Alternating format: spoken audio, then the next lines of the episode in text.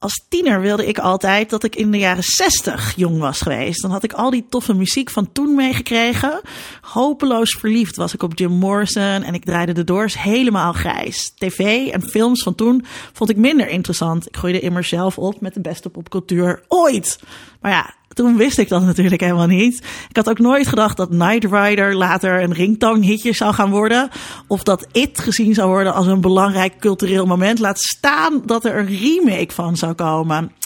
Is dat allemaal wel nodig? Is het sentiment of creatieve armoede hoog tijd voor een diepgravend gesprek met kenners? Mijn naam is Linda Duits en dit is Geeky Dingen. Start onze nostalgische tune maar.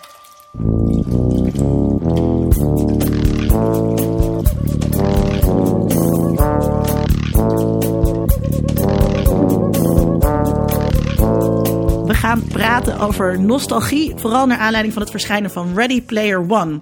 Geen zorgen, deze aflevering is spoilervrij voor Ready Player One. We gaan het ook hebben over Stranger Things en daarbij gaan we er wel van uit dat als je dat nu nog niet hebt gezien, je dat ook nooit meer gaan doen. Of juist gaat kijken. Of juist na onze aflevering. Juist. Dat zou ook kunnen. Ja, dan moeten we maar niet verklappen over die draak eh, aan het einde. En die kernwapens. we zitten hier als veertigers, maar we hebben ook een token twintiger. Ja, 20 yes. Tom, waarom wil jij de jeugd van ons oude lullen beleven? Uh, dat is een hele goede vraag. Ehm, ik, ik, denk dat het voor heel veel van ons um, een idee is dat het vroeger toch wel wat, wat zekerder was en stabieler misschien dan, dan het chaotische wat we nu hebben.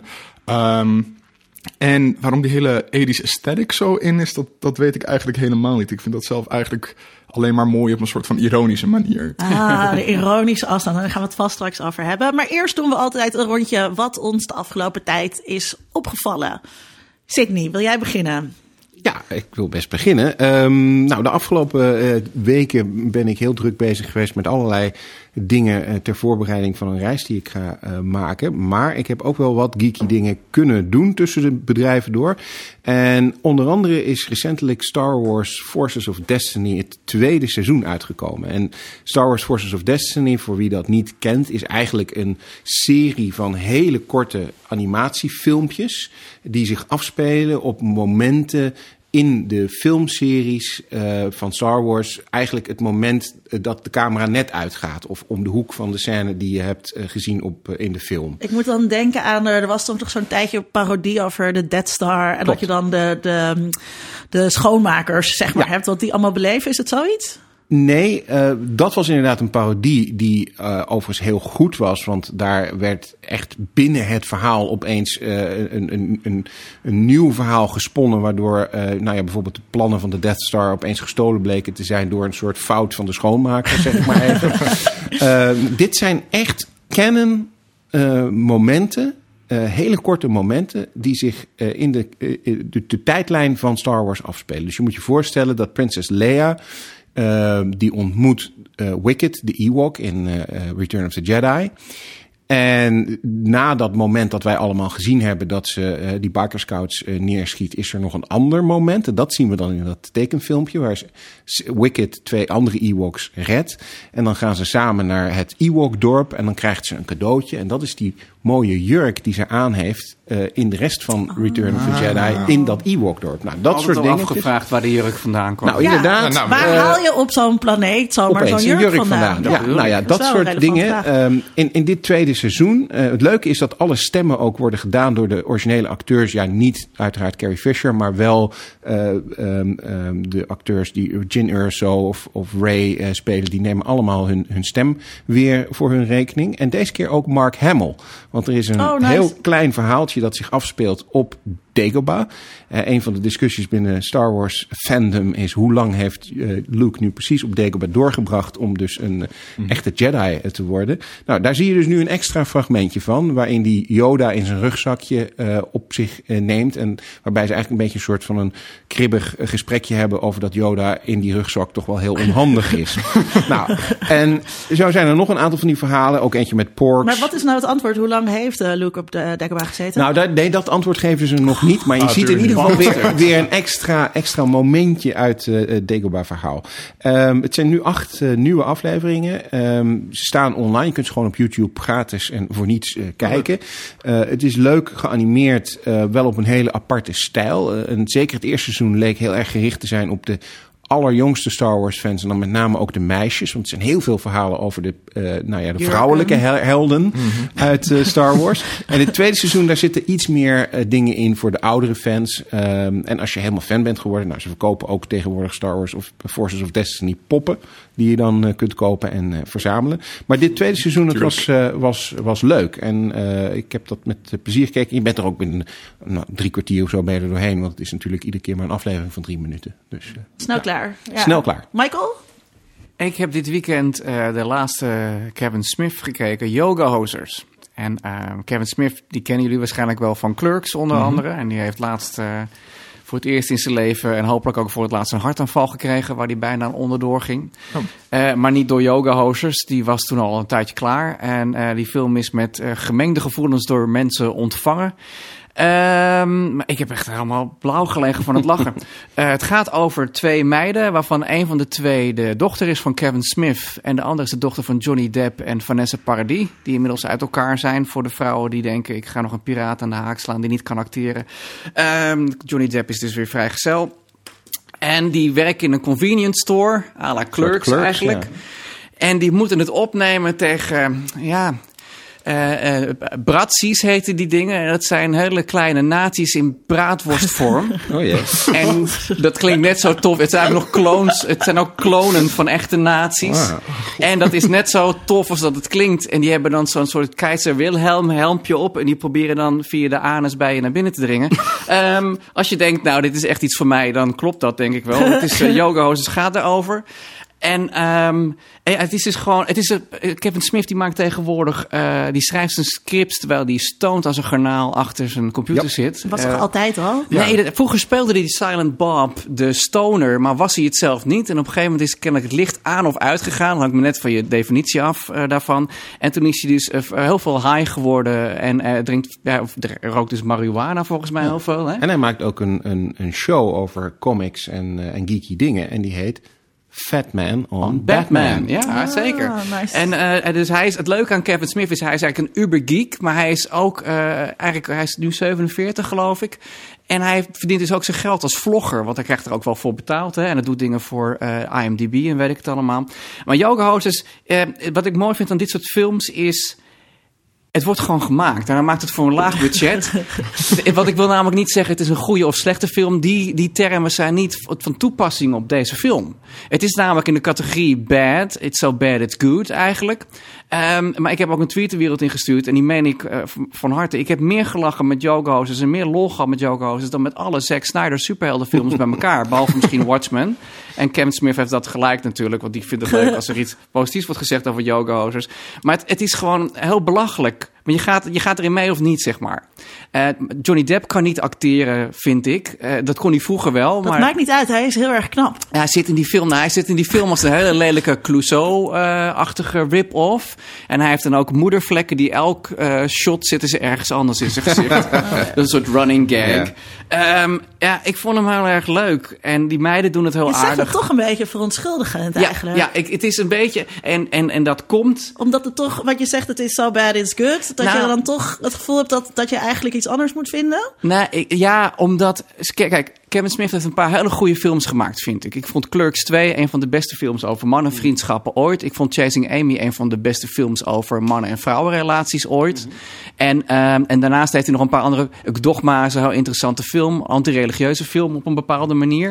Of eigenlijk antidogmatisch denken. Dus Kevin Smith heeft echt wel het mijn hartje gestolen jaren geleden. Hij heeft hiervoor eh, een walrusfilm gemaakt. Of, ehm, ehm, ehm, Maar nu ga je niet in op waarom eh, jij je toch... Of is Jawel, het gewoon een hele lange kom ja. daar. En eh, nou, sinds hij dus eh stoned achter de camera staat, bij wijze van spreken, om maar even zo te zeggen, zijn die films anders van toon. En zijn, eh, als je tussen goed en kwaad kijkt, minder goed, zeg maar. Maar wat ik dus heel tof aan vind, is dat het er gewoon is. Ik kan nu kijken naar hoe nazi-braadworsten tegen twee convenience store chicks gaan vechten. Ja, of, en, of hoe iemand eh, eh, omgevormd wordt tot een, een menselijke walvis. ja, nou, ik heb nooit gedacht dat ik dat wilde zien. Mhm. Maar nu ik het heb gezien, vind ik dat heel bijzonder. Dat iemand het lef heeft en de, de ballen, zeg maar in dit geval, om dat te gaan doen. En hij zit in een klein circuit waarbij dat dan kan.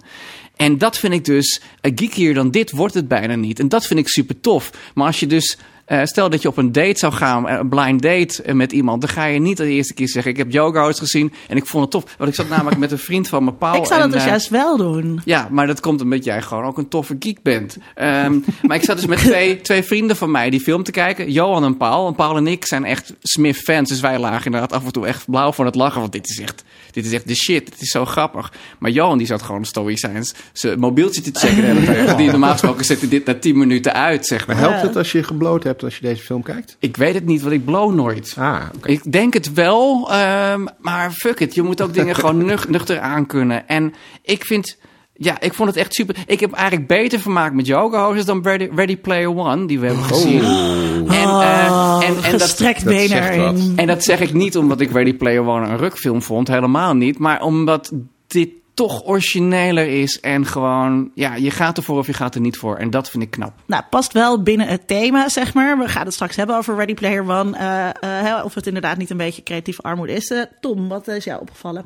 Eh, nou, eh, een van mijn favoriete podcast, Tennis, is opnieuw begonnen. Eh, maar om het toch aan Ready Player One te koppelen, wil ik een eh, podcast van dezelfde makers aanraden. Die heet Rabbits. En die wordt beschreven als een soort combinatie tussen Ready Player One en Lost. Eh, het gaat over een radiomaker. eh, vandaar dat het ook een podcast is, want dan kan ze dat in de radio vertellen, dus dan krijg je het mee. Ehm, wiens beste vriendin gekidnapt is. En zij gaat er proberen achter te komen wie dat gedaan heeft. En dat leidt haar door een soort universum van arcadehallen... waar allemaal clues op machines eh, verstopt zitten... waar ze zich dan een weg doorheen moet vinden. En allemaal mysterieuze organisaties op de achtergrond... die semi-mystieke krachten hebben. Heel erg leuk en ga dat vooral luisteren. Het heet. Rabbits. Rabbits, zoals Ja. konijnen. Ja. Oké, andere dingen nog? Eh, nee, dat was hem eigenlijk wel. Oké, ik had ehm, eh, iets heel leuks, vond ik zelf. Eh, er is net een boekje uit. Ik heb het hier, maar daar hebben jullie niks aan als je dit aan het luisteren bent. Het heet Star Trek The Next Generation Cats. Eh, en het is van Jenny Parks. En zij tekent dus allemaal karakters uit Star Trek The Next Generation. Dat zijn allemaal katten, dus die hebben allemaal ook hun eigen... Het zijn allemaal verschillende katten, dus...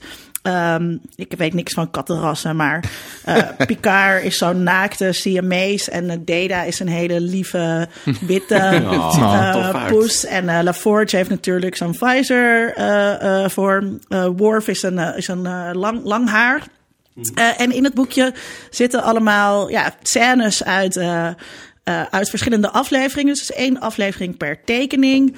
Eh, heel mooi getekend en leuk. eh, eh, ja, leuk om er doorheen te bladeren. Het is een heel klein eh, boekje. Eh, en het is dus van Jenny Parks. En het heet Star Trek The Next Generation Cats. Eh, en dat had ik dus. Dus daar ben ik content mee. En ik was begonnen aan het nieuwe seizoen van Santa Clarita Diet. Ja. ehm, eh, wat op Netflix, Netflix. gelanceerd is. Heb jij hem ook al gezien? Nieuw seizoen nog niet, vorig seizoen wel, vond ik bijzonder leuk. En heel origineel. goede acteurs ook. Eigenlijk totaal onverwacht. Eh, ik, ik had wel gehoord dat dat eraan kwam, maar ik dacht, ik zet het een keer op. En ja, ik, eh, ik heb daar met veel plezier naar gekeken. Dus ik verheug me ook op seizoen 2, maar nog geen tijd gehad. Ja, het was best wel low-key inderdaad. Ik had ook niet door dat dat daar, dat dat daar aankwam. Het is met Drew Barrymore, eh, waar ik toch heel erg fan van ben. En zeker als je het over nostalgie hebt. Hè, Drew Barrymore kennen we natuurlijk allemaal als het meisje dat moest gillen eh, in de kast E.T.. in E.T. Ik ben een onwijze Drew Barrymore fan, maar ik vond het toch... Het is heel origineel. Het gaat eigenlijk over. eh, jullie kennen het niet, dat zie ik aan jullie blikken. Het gaat over, over een Californisch eh, gezin: eh, eh, eh, papa, mama en een dochter. En op een dag blijkt Drew Barrymore, die dus de moeder is, eh, ja, zombie te zijn. En dus een behoefte te hebben aan mensenvlees. Vandaar Santa Clarita Diet. Santa Clarita is de naam van het stadje waar ze wonen. Diet is omdat ze dan dus alleen maar mensen eet. En je kan je voorstellen dat het allerlei problemen geeft als je zo'n eh, gezinnetje in een buitenwijk bent. Want ja, wie ga je dan opeten en Ja. hoe eh, cover je je tracks? Want als dat opeten gaat ook gepaard met, dat eet niet netjes met mes en vork, zeg maar. Ehm, dus het idee is heel erg leuk. Ik vond het een beetje lijken op Weeds. Ehm, eh, ook een serie die gaat over ja, suburbia. Eh, waar dan rare dingen gebeuren. Wat voor Ja, gevolgen en dat wat- heeft. Wat, ik er heel leuk aan vond, maar het tweede seizoen weet ik nog niet. Maar het eerste seizoen eh, is dat er ook een hele geeky buurjongen in eh, zit. Ja. eh, gespeeld door Skyler Gezondo, die allerlei leuke films eh, al heeft eh, gemaakt. Ehm, en, en zijn geekiness is ook echt wel van belang in de serie. En dat, nou, ik ga het niet allemaal uitleggen, dat moet je maar kijken. Maar het is wel leuk dat zo'n geek dus eigenlijk ja, van, van geek toch bij, best wel een belangrijke rol eh, krijgt. Ja, dat vond ik ook. Ik vond dus het eerste seizoen een beetje tegenvallen. Ik, Oh. ik had echt elke keer het idee, nou, ik vind het net niet. En ik ben dus net begonnen aan het volgende seizoen. En eh, dat vind ik eigenlijk leuker. Dus ik vind hier... eh, ja, dat, de- dat, dat de humor kon ook aan de mood liggen hoor. Ik, ik had me namelijk net door Jessica Jones heen geworsteld. Wel aan Dus wat dit was een, lichter soort, toe, eh, ja. was een soort opluchting. Misschien kwam het daardoor, maar ik eh, heb een paar afleveringen erop zitten en ik vond dat, eh, vond dat erg leuk. Maar die moeder is de zombie. De moeder is de zombie. En, En de eh, moeder is Drew Barrymore. Ja, dat snap ik. Maar dan, eh, hoe, hoe, hoe hebben ze dat er niet door? Want je kan toch geen fatsoenlijk eh, conversatie voeren met een zombie? Nee, want ze is, ze is dus. Ze ziet er niet uit als een zombie. Ik ga niet vertellen waarom. Maar nee, dus je ziet er aan de buitenkant zie je er niks aan. En ze praat gewoon. Ze kan ook gewoon praten. Het enige wat Oh. ze niet kan is gewoon eten. Dus ze kan niet zeg maar een lekkere stroopwafel nemen. Dus ook stel dat je nu zou afvragen wie van ons zou eigenlijk zeg maar ook zombie zijn. Dan is de test dus kan je deze stroopwafel opeten. Oh ja. En als je dat dan Ik ga er nu gelijk eentje ja, pakken. als je dat dan, als je dat dan wegkrijgt, dan, eh, dan ben je dus niet. eh, nee, maar dus je ziet er verder niks aan. Zij zijn een normaal stelletje. Ze zijn ook. eh, papa en mama zijn, hebben samen een uh, makelaardij. Wat dan ook weer iets typisch is. Want dan moet je altijd natuurlijk heel erg. Eh, vrolijk zijn en een leuk gezicht opzetten om die huizen te slijten. Dus het is allemaal ehm, ja, keeping up appearances. En ondertussen, hoe zorgen we dat mama geen honger heeft? Ja, of de, ja. Jeetje. Ja, het is uh, leuk. Jij gaat kijken. Ja, klinkt serieus. Ja, ik, ik, ik ga eerst het Ik denk ik ga ja, eerst dat ik kijken, want het staat ook op Netflix, weet ik. Eh, dus die ga ik eerst eh, maar eens doen. Want Ja. de actrice die daar de hoofdrol speelt, eh, vind ik zeer bekoorlijk. Eh, eh, maar goed, dus ze kan ook goed niet. acteren daarvan. Het is over niet, ja goed. Ja. Maar ja. Wiets Hey, vond ik erg grappig. Ook leuke maatschappijkritiek. Ja, daarom. Dus eh, die staat ook nog op mijn lijst. Ja, Eh, ja. Maar, maar goed, ik, ik moet ook nog Riverdale kijken. Daar zijn we nu mee bezig ook. Archie. Archie. Ja, over cheesecakes gesproken, toch? Mannelijk en vrouwelijk daar. Ja, allemaal knappe mensen. Ik las een heel erg leuk stuk over welke temperatuur is het in Riverdale. Dus iemand had een analyse gemaakt van de kleding die ze aan hadden. Ja, ja, ja. Om uit te vinden welke temperatuur het die dag was. Dat is echt heel, eh, echt heel grappig. Want je ziet dus dan de ene keer, weet je, hebben ze echt een muts op en eh, dan weer gewoon alleen een topje aan. En ja, het is een on- onduidelijke warmte. Ondergrondelijk. Maar het gaat er altijd heet aan toe. Nou, En, en het is, Dat heel, ja, het is heel nostalgisch natuurlijk. Hè? Want het is gebaseerd op de Archie eh, comics uit de jaren 50, denk ik. Of misschien wel 40. Ja, ja, sinds de jaren 40 bestaat Ja, het al, ja. Precies. Zoiets. Ja. Dus eh goeie, goed bruggetje naar Goed het onderwerp bruggetje. van deze week. Ja, want eh, wij waren dus ook, eh, en met wij bedoel ik eh, Michael Tom en ik, naar de persscreening van Ready Player Ja. One. We waren, ik was dolgelukkig dat ik erheen was. Ik was heel vond jaloers dat ik niet mocht. Echt te gek en terecht, denk ik. Ik vond de film echt super aan. Eh, ik vond het een hedendaagse The Goonies. Ik had opgeschreven een 2,5 uur durend orgasme van popcultuurverwijzingen met likable helden en een heerlijke villain in een iets wat weeg anticapitalistisch sausje.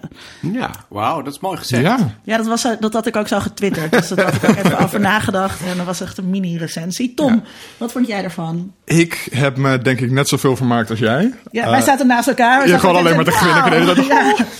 Eh, ja, ik vond hem echt heel erg leuk. Ehm, ik zat wel te denken na afloop dat... Ik weet niet of jullie de Lego Movie gezien hebben. Ja, Ja. daar moest ik ook aan denken, ja. Het, het is precies hetzelfde op een hele goede manier. Want ik vond de Lego Movie ook heel erg leuk. Omdat je daar dus...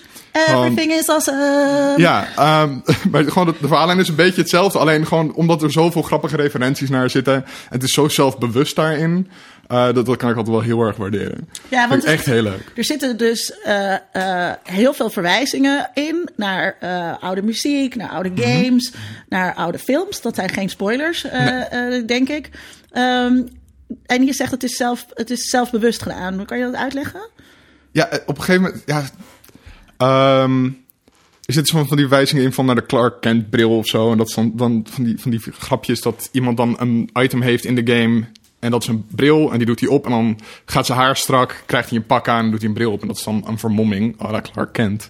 Dat soort grapjes, dat vind ik wel een beetje met een knipoog van... ja, we weten het wel, maar het is wel heel leuk om te doen. Moeten we even En- kort uitleggen waar de film ook over gaat misschien? Zo, Eh, als de alarm uh, onder, ondertussen rijdt er een ambulance eh, langs. Eh, ja, moeten we kort uitleggen waar de film over gaat? Nee, want mensen weten dat misschien helemaal niet. En ook misschien niet dat het eh, gebaseerd is op een boek een- van Ernest Clive. Precies. Klein. Klein, ja, Eh, Klein, Ernest ja. Klein. Maar En- eh, Sidney, jij hebt de film nog niet Nee, gezien. helaas. Eh, dus misschien ben jij de uitgelezen persoon om spoilervrij uit te leggen waar de film over gaat. Ja, eh, eh, ik kan in ieder geval uitleggen waar het boek over gaat. Eh, het boek ehm, dat eh, geschreven is inderdaad door Ernest Klein. Eh, wat op zich nog wel leuk is, eh, ik ben, eh, dat merken jullie misschien in iedere aflevering, best een fan van luisterboeken ook. En eh, dit luisterboek wordt ingesproken door niemand anders dan Will Wheaton. Will Wheaton, Will Wheaton! Ja, die in het boek up, ook een, eh, die in het boek ook een rol speelt, maar of die in de film zit, dat weet ik niet. Ik geloof het niet. Ehm, en er is ook door de schrijver van eh The Martian, eh, de bekende film inmiddels, maar eerder een boek, eh Andy Weir.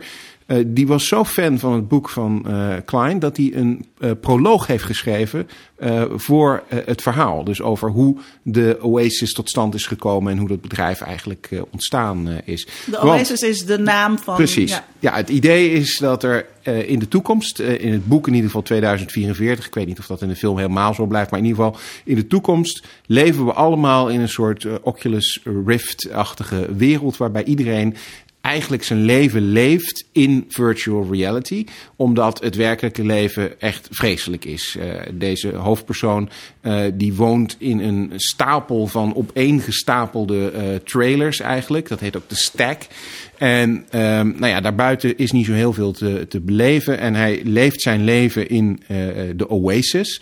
En in die Oasis zijn Easter eggs verborgen voor een, een, een, een, een, een schat eigenlijk. Het is eigenlijk een soort zoektocht naar een schat die er verborgen is door de makers van de Oasis. Er zijn twee makers en één daarvan heeft een, een schat verborgen. En het idee is dat je in die Oasis op zoek kunt gaan naar clues, naar aanwijzingen. En dat je dan bepaalde missies moet eh, eh, eh, vol, volbrengen. En dat je als je die missie hebt volbracht weer de aanwijzing voor de volgende krijgt. En dan uiteindelijk krijg je de ultieme easter egg. eh, en dat is dat je, dat je heel veel geld krijgt en de beschikking krijgt over de broncode eigenlijk van de Oasis. Zodat jij kan bepalen hoe de Oasis eruit gaat zien. En uiteraard is er in die wereld ook een evil hoor. organization. Tussendoor. Daarom Ja. zei ik ook, het is een hedendaagse The Goonies. Ja. The Goonies was natuurlijk ook echt een, eh, een Een treasure hunt, ja. een, een zoektocht. En dat ze puzzels moesten oplossen. Ja. En dat zag heel duidelijk Nou, terug. en het is ook heel hedendaags in die zin dat in het boek... Nou ja, even nog om dat af te maken. Er is ook een evil organization uitera- uiteraard. De eh 101's. eh, dat zijn de mensen die ook op zoek zijn naar de sleutels. Want de sleutels maken uiteindelijk de, de, de, de toegang tot de Easter egg. En ehm, nou ja, die werken samen voor, voor, voor een, een, een organisatie die dus uiteindelijk de macht over de Oasis wil krijgen. En daartegen moeten alle ja, gewone gamers strijden. Want Ja. die moeten proberen om te voorkomen dat de evil organization de baas wordt over het internet, zeg maar. Ik had daar een beetje een Shaki en de chocoladefabriek Het is, bij aan het eh, begin. dat is niet gek, want de eh, plot van Ready Player One is gebaseerd op eh, Charlie and the Chocolate Factory. Oh, echt? En in de eerste trailer zit ook niet voor niets Pure Imagination, het liedje van de film Charlie and the Chocolate Factory. Oh. En Gene Wilder is ook benaderd door Steven Spielberg om in de film op te treden, maar overleed voordat hij dat eh, eh, kon doen. En nog even over die Easter eggs, want in allerlei eh, films en, en spellen zitten tegenwoordig Easter eggs. Dat is, dat is een beetje het ding. Nou, die zaten er vroeger ook al in. maar ook in het boek zit een Easter egg. En mensen die dat gevonden hebben, die konden dus ook meedoen aan een spel op basis van de Easter egg in het boek. En de hoofdprijs was een gemodificeerde DeLorean Time Machine. En er is ook daadwerkelijk iemand die dat ding gewonnen heeft en Oh, gekregen vet. heeft. Want Er- Ernest Klein had zelf zo'n DeLorean Time Machine. En die heeft hij dus aan de winnaar van, die, eh, van dat game gegeven. Dat is natuurlijk heel meta. Want eigenlijk Ja. wat hij in het boek beschrijft, dat gebeurt dan in werkelijkheid. En in de film en in de trailers zitten ook allerlei easter eggs. Er zitten allerlei codes in en, en woorden in. Waardoor je weer op internet geheime pagina's kunt vinden en, en dat soort dingen. Vet. Eh, Ik heb trouwens even in mijn, eh, in mijn Star Trek kattenboekje eh, opgezocht. Daar zit Wesley Crusher ook in. En ik zal Oh, even kijken of ik... eh, op onze Facebookpagina zal ik een foto plaatsen... van wat voor kat Ensign Wesley Crusher Will Wheaton is. Heel goed. Ja. Ehm, Michael, Ja. spoilervrij. Zoveel wat mogelijk. vond je ervan? Ja, ik vond, eh, nou ja, ik vond het sowieso wel een leuke film. Eh, en ik had er heel erg naar uitgekeken, want ik heb een ander boek van deze schrijver gelezen, Armada. Omdat ze allebei, zijn ze in Nederlandse vertaling bij mijn uitgever verschenen. Dus ik was wel heel benieuwd ook. Eh, het is een beetje alsof ehm, alle elementen, alle toffe elementen uit mijn jeugd in een blender zijn gestopt. En daar is deze smoothie uitgekomen, zeg maar. Dat is dan Ready Player One. Eh, wat ik heel erg leuk vond waren de muzikale verwijzingen naar andere films. Van Alan Silvestri heeft de soundtrack gedaan. Dus er zat een stukje Back to the Future zat erin. Nou, we kunnen, dat is geen spoiler, maar de hoofdacteur, de hoofdpersoon, die heeft een DeLorean ook in. Met een Night Rider eh, eh, scannertje. Dus dat is leuk gecombineerd. Dat zat al in de trailer, dus dat is niet echt een spoiler, vind ik. Ehm, er zat één hele gave scène in, eh, waarbij ze in een andere film terechtkomen. En dat is heel gaaf gedaan. Want die, Super gaaf Ja, gedaan. die echt shots- naadloos aangesloten. Dat Ja. is zo briljant. Ik vraag me dan af, heeft Amblin Entertainment de rechten van die film? Omdat Spielberg van die regisseur ook een film heeft afgemaakt toen die regisseur overleed. Dus even een trivia vraag ja, ja, hier. ja, ja. Ehm, en dan heb je, er zit een scène in waarbij eh liften bloeden, laten we het maar zo zeggen. En dat is bijna, je ziet dat het schaalmodel is. En het is, volgens mij zijn het de opnames uit die film zelf. Het is heel goed gemixt. Dat vond ik heel tof. Dus Zit, eh, dat- zit in het boek ook, eh, maar dan met andere eh, films. Dat is misschien nog wel een goede opmerking voordat je verder gaat. Spielberg heeft ervoor gekozen om in, kijk, in Ready Player One, het boek, zitten enorm veel verwijzingen naar Spielberg-films. Want ik denk, we komen daar misschien straks nog over te spreken, dat Spielberg wel een beetje de eh, regisseur van de jaren tachtig eh, is. In Zeker. ieder geval op dit soort eh, films. Maar omdat Spielberg niet wilde dat hij eigenlijk een soort egoïstische trip ging maken met deze film, heeft hij, als het goed is, maar jullie kunnen dat bevestigen of ontkennen, de verwijzingen naar zijn eigen films heel erg gedownplayed. Dus er zouden veel meer verwijzingen naar andere films in. Ja, ik kan me alleen maar bedenken dat er een T-Rex in zat die naar Ja. Jurassic Ja. Park kon verwijzen. Ja, maar ik vond dat de hoofdpersoon is gekleed al alsof hij in de jaren tachtig rondloopt met zijn overhemd. En ik vond hem eigenlijk heel erg lijken op een jonge Spielberg. Maar dat zal misschien mijn eh, visie zijn daarop, dat weet ik niet zeker. Hij heeft die, dat wat die jaren tachtig kleding, dat is eh, Buckaroo Banzai, wat hij aan heeft. Oké. Ik Op wil- één moment is dat maar, want hij heeft in de film verschillende... Ja, maar het is aan het begin Ja, en dan wordt er ook echt gezegd, maar. Weet Ja. je dit zeker? Ja, ja, ja. Maar wat ik, ehm, wat ik een beetje jammer aan vond, en dat is een ziekte die ik vaker eh, constateer bij hedendaagse films, dus dat is misschien ook iets voor een andere podcast. Ik voelde weinig connectie met de personages. Eh, behalve dan in de climax weer, als echt eh, hun leven ook op het spel staat. Het is heel goed op Spielberg, eh, want we zitten de hele tijd in die oase eigenlijk. Nou, dan kan je weinig gebeuren als je... eh, maar op een gegeven moment wordt de bedreiging ook op hun fysieke lichaam heel erg duidelijk. En dan heb je die interactie tussen de virtuele wereld en de echte wereld. Nou, dat vond ik heel tof, want dat vind ik klassiek Spielberg. Daar is hij ook heel goed in, vind ik als Dat is storyteller. heel goed gedaan, vond ik ook. Ja. Maar ik had in de rest van de film had ik zoiets van ja, ik vond ze allemaal niet, ze zijn allemaal wel aardig, maar de, de schurken zijn wel heel plat. Eh, Mark Zuckerberg kwaadaardig, zeg maar. Ehm, Want Mark Zuckerberg is een lul en dat weten we allemaal inmiddels wel. En ehm delete Facebook en zo, dames en heren. Ehm, dus dat- dat vond ik een beetje jammer. Die acteur doet het wel heel goed. Die acteurs doen het allemaal goed, maar ik vond, ik, ik voelde hem weinig. Ik heb gisteravond ook Tron zitten kijken, de, de remake. Ja. En die vond ik ook heel aardig, maar daar had ik een beetje hetzelfde mee. Ja, eh, het- die, die- Ik denk dus, dus hierbij, als ik je in de reden mag vallen. Jij mag me in de reden vallen. Maar ik heb Eh, nog wel één punt, maar je mag oh. me in de reden vallen. Ja, nou, ja, onthoud je punt? Of, je kan het houden, punt. Oké. Dat, ehm, ik heb die film echt bekeken met de, geprobeerd te kijken met de ogen van iemand die nu jong is, zeg maar. In plaats van eh, eh, eh, als veertiger. En ik vond het heel grappig toen we naar buiten gingen. Toen eh, stonden daar andere recensenten de film na te bespreken die het helemaal niks vonden. Oh, echt? Ja, dus er was één oude witte man. Ik zal hem niet bij naam noemen, want ik weet zijn naam niet. Maar Michael weet wie het is. Die, en die eh, zei dus, eh, ja, ik vond die hoofdpersoon eh, eh, eh, totaal niet relatable. En ik kon me niet met hem identificeren. Ik dacht, ja, logisch gast, je bent een oude witte man. En toen begon hij dus, zei hij, ja, weet je wat pas een fijne held was? Marty McFly. En Tom en ik stonden echt zo, ja, doe normaal, weet je wel. Wat was er dan aan Marty McFly? Nou, wat maakt Marty McFly nou tot zo'n fantastisch personage, Tom? Hij speelt gitaar, houdt van rock and roll en heeft een skateboard. Was dat het antwoord? was- Ja. Dat was het antwoord. Dat Nou. ik echt dacht, oké, maar hoe kan je filmrecensent zijn en niet inzien dat jouw waardering voor eh, Back to the Future komt omdat jij toen jong was? Ja, oké, maar daar heb ik toch een argument tegen. Want je hebt gelijk. En ik weet inderdaad wie deze film is. Ehm, maar de vraag is natuurlijk, wie is. De, want er wordt- heel erg gespeeld op. Hè, onze jeugd wordt op het doek eigenlijk door de blender gehaald, zoals ik al zei. En die, dus voor wie, wie is de doelgroep van deze film? Is dat Tom, om het maar even heel simpel te zeggen? Of Er jonger zitten ook verwijzingen naar, naar mijn jeugd in. en ja. naar hedendaagse dingen. Dus je hebt bijvoorbeeld eh, uit de game Overwatch, die twee, drie jaar geleden is uitgekomen, eh, zit een karakter erin waarvan ik de naam vergeten ben. Dat geeft niet. Eh, en je hebt ook wat dingen uit de jaren 90, zoals de Teenage Mutant Ninja Turtles en eh, Halo uit de jaren 0. dus iedereen wordt wel bediend Ja, eigenlijk. in maar dat het is wel alles na de jaren 80 minder dan de jaren 80. Wel, hè? En dat is de reden, waar- in de film wordt wel een hele goede reden gegeven waarom die obsessie met die, met die popcultuur eh, er is. Ja, en die- ik, ik denk dat dat een spoiler is. Ik, ik weet niet of ik daar, misschien kunnen we daar de volgende aflevering nog even over doorpraten. Dat ehm, eh, het is niet gratuit. Nee. Hè, dus je hebt Ja, gratuite er is een reden voor. Er is een reden voor al deze eh, nostalgie. En dat vind ik dus heel erg goed gedaan. Op jouw vraag voor wie het is.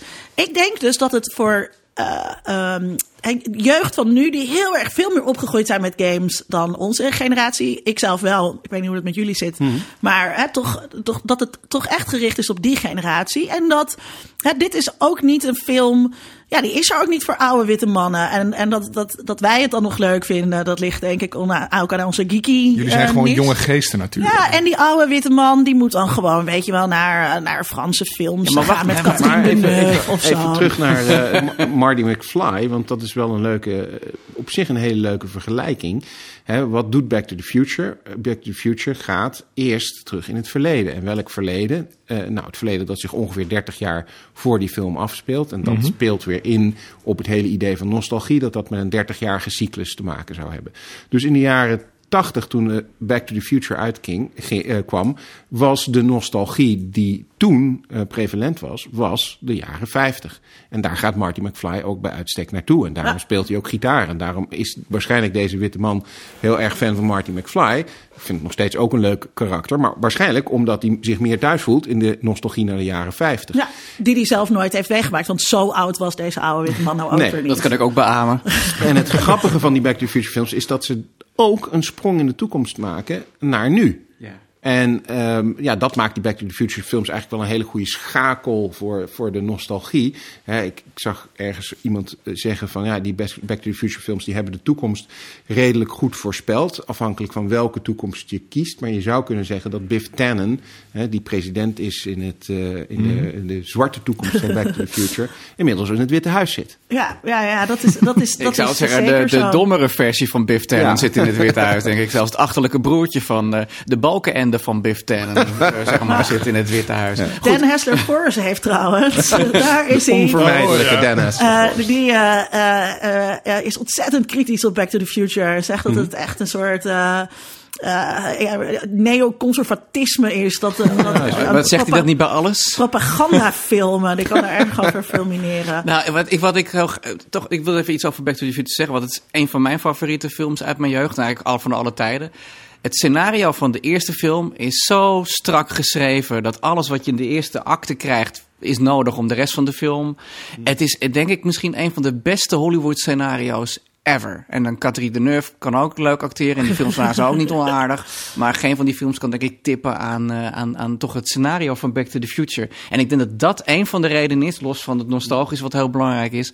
En de acteurs en dat Michael J. Fox erin zit en, en, en Doc Brown. Wat het, het is allemaal goed. Het is een goede cast ook. Maar het, het verhaal staat als een huis. En wat ik... Over trouwens, over eh, Back to the Future of die toekomst is uitgekomen. Mhm. Wat bij Back to the Future ook zo is, is dat wij de hele tijd hebben gekeken naar hoe we die toekomst konden laten uitkomen. Hè? Dus de hoverboard Mhm. Ja. zijn er wel het belangrijkste voorbeeld van. Het was niet dat we die los van Back to the Future zijn gaan ontwikkelen. Het doel was heel erg, we willen die toekomst, die delen ja. uit die toekomst van Back to the Future willen we hebben. Dus het is ook een soort zelfvervulling. Nike heeft toch ook die, die zelfstrikkende schoenen eh, uitgebracht eh, vorig jaar? Niet, niet alleen eh, Nike met de, met de schoenen. Pepsi heeft speciale Pepsi-flesjes gemaakt die in Back to the Future zitten eh, vorig jaar. Eh, de Want vorig hoverboard. jaar was het jaar van Ja, de toekomst. klopt, waar, waar ze naar bek gingen. De hoverboard. Eh, Mattel heeft daadwerkelijk een. Want die, die zijn van Mattel in de film. Heeft daadwerkelijk zo'n hoverboard ook gemaakt. Het was hartstikke duur, maar die kon je kopen. Kon natuurlijk niet op, op vliegen, maar oké, je kon hem wel eh, kopen. Wat heb je er aan dan? Waarom, waarom was hij zo duur? Als hij niet, niet doet. collectors item, hè? Ja. Ja, dus, eh, Hey, maar de, ik, hebt nog één- punt. ja, ik had nog één punt. en eh, ik vond namelijk, heel veel dingen spelen af in de, in de oase. Wat ik jammer vond, en misschien heb ik dat gewoon gemist.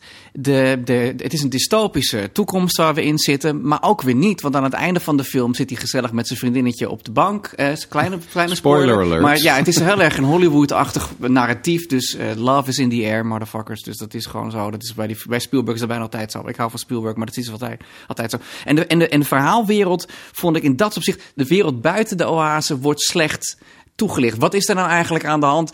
Eh, Je zei net al, ehm Sydney, van in het boek wordt heel duidelijk... het is een nare...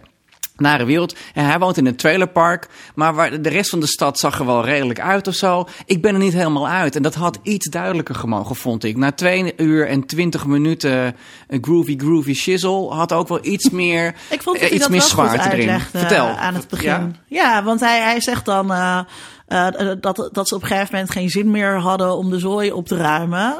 Eh, hij vertelt daar wel wat dingen over. Oh, nou, Aan misschien het begin, was ja. ik toen nog afgeleid door, weet weet ik niet. Maar Ja. dat, dat, ik vond dat, ik, ik, had, ik had, dat had wel iets concreter gemogen, had jij, ik het idee. Jij had, eh, jij had het net ook over Ar- Armada, hè, het andere boek van eh, Klein. Ja. Ehm, wat, je, wat misschien wel interessant is om, om te bespreken, is dat waar Ready Player One, eh, in ieder geval het boek, en dus waarschijnlijk zoals ik van jullie hoor, de film eh, ook, eigenlijk op alle goede knopjes drukt. Hè, dus precies goed doet. eh, en bijna zo goed doet dat je als je het aan het lezen bent denkt... nou, dit had ik zelf kunnen schrijven. Alleen, ja, ik ben niet slim genoeg geweest om dat te doen.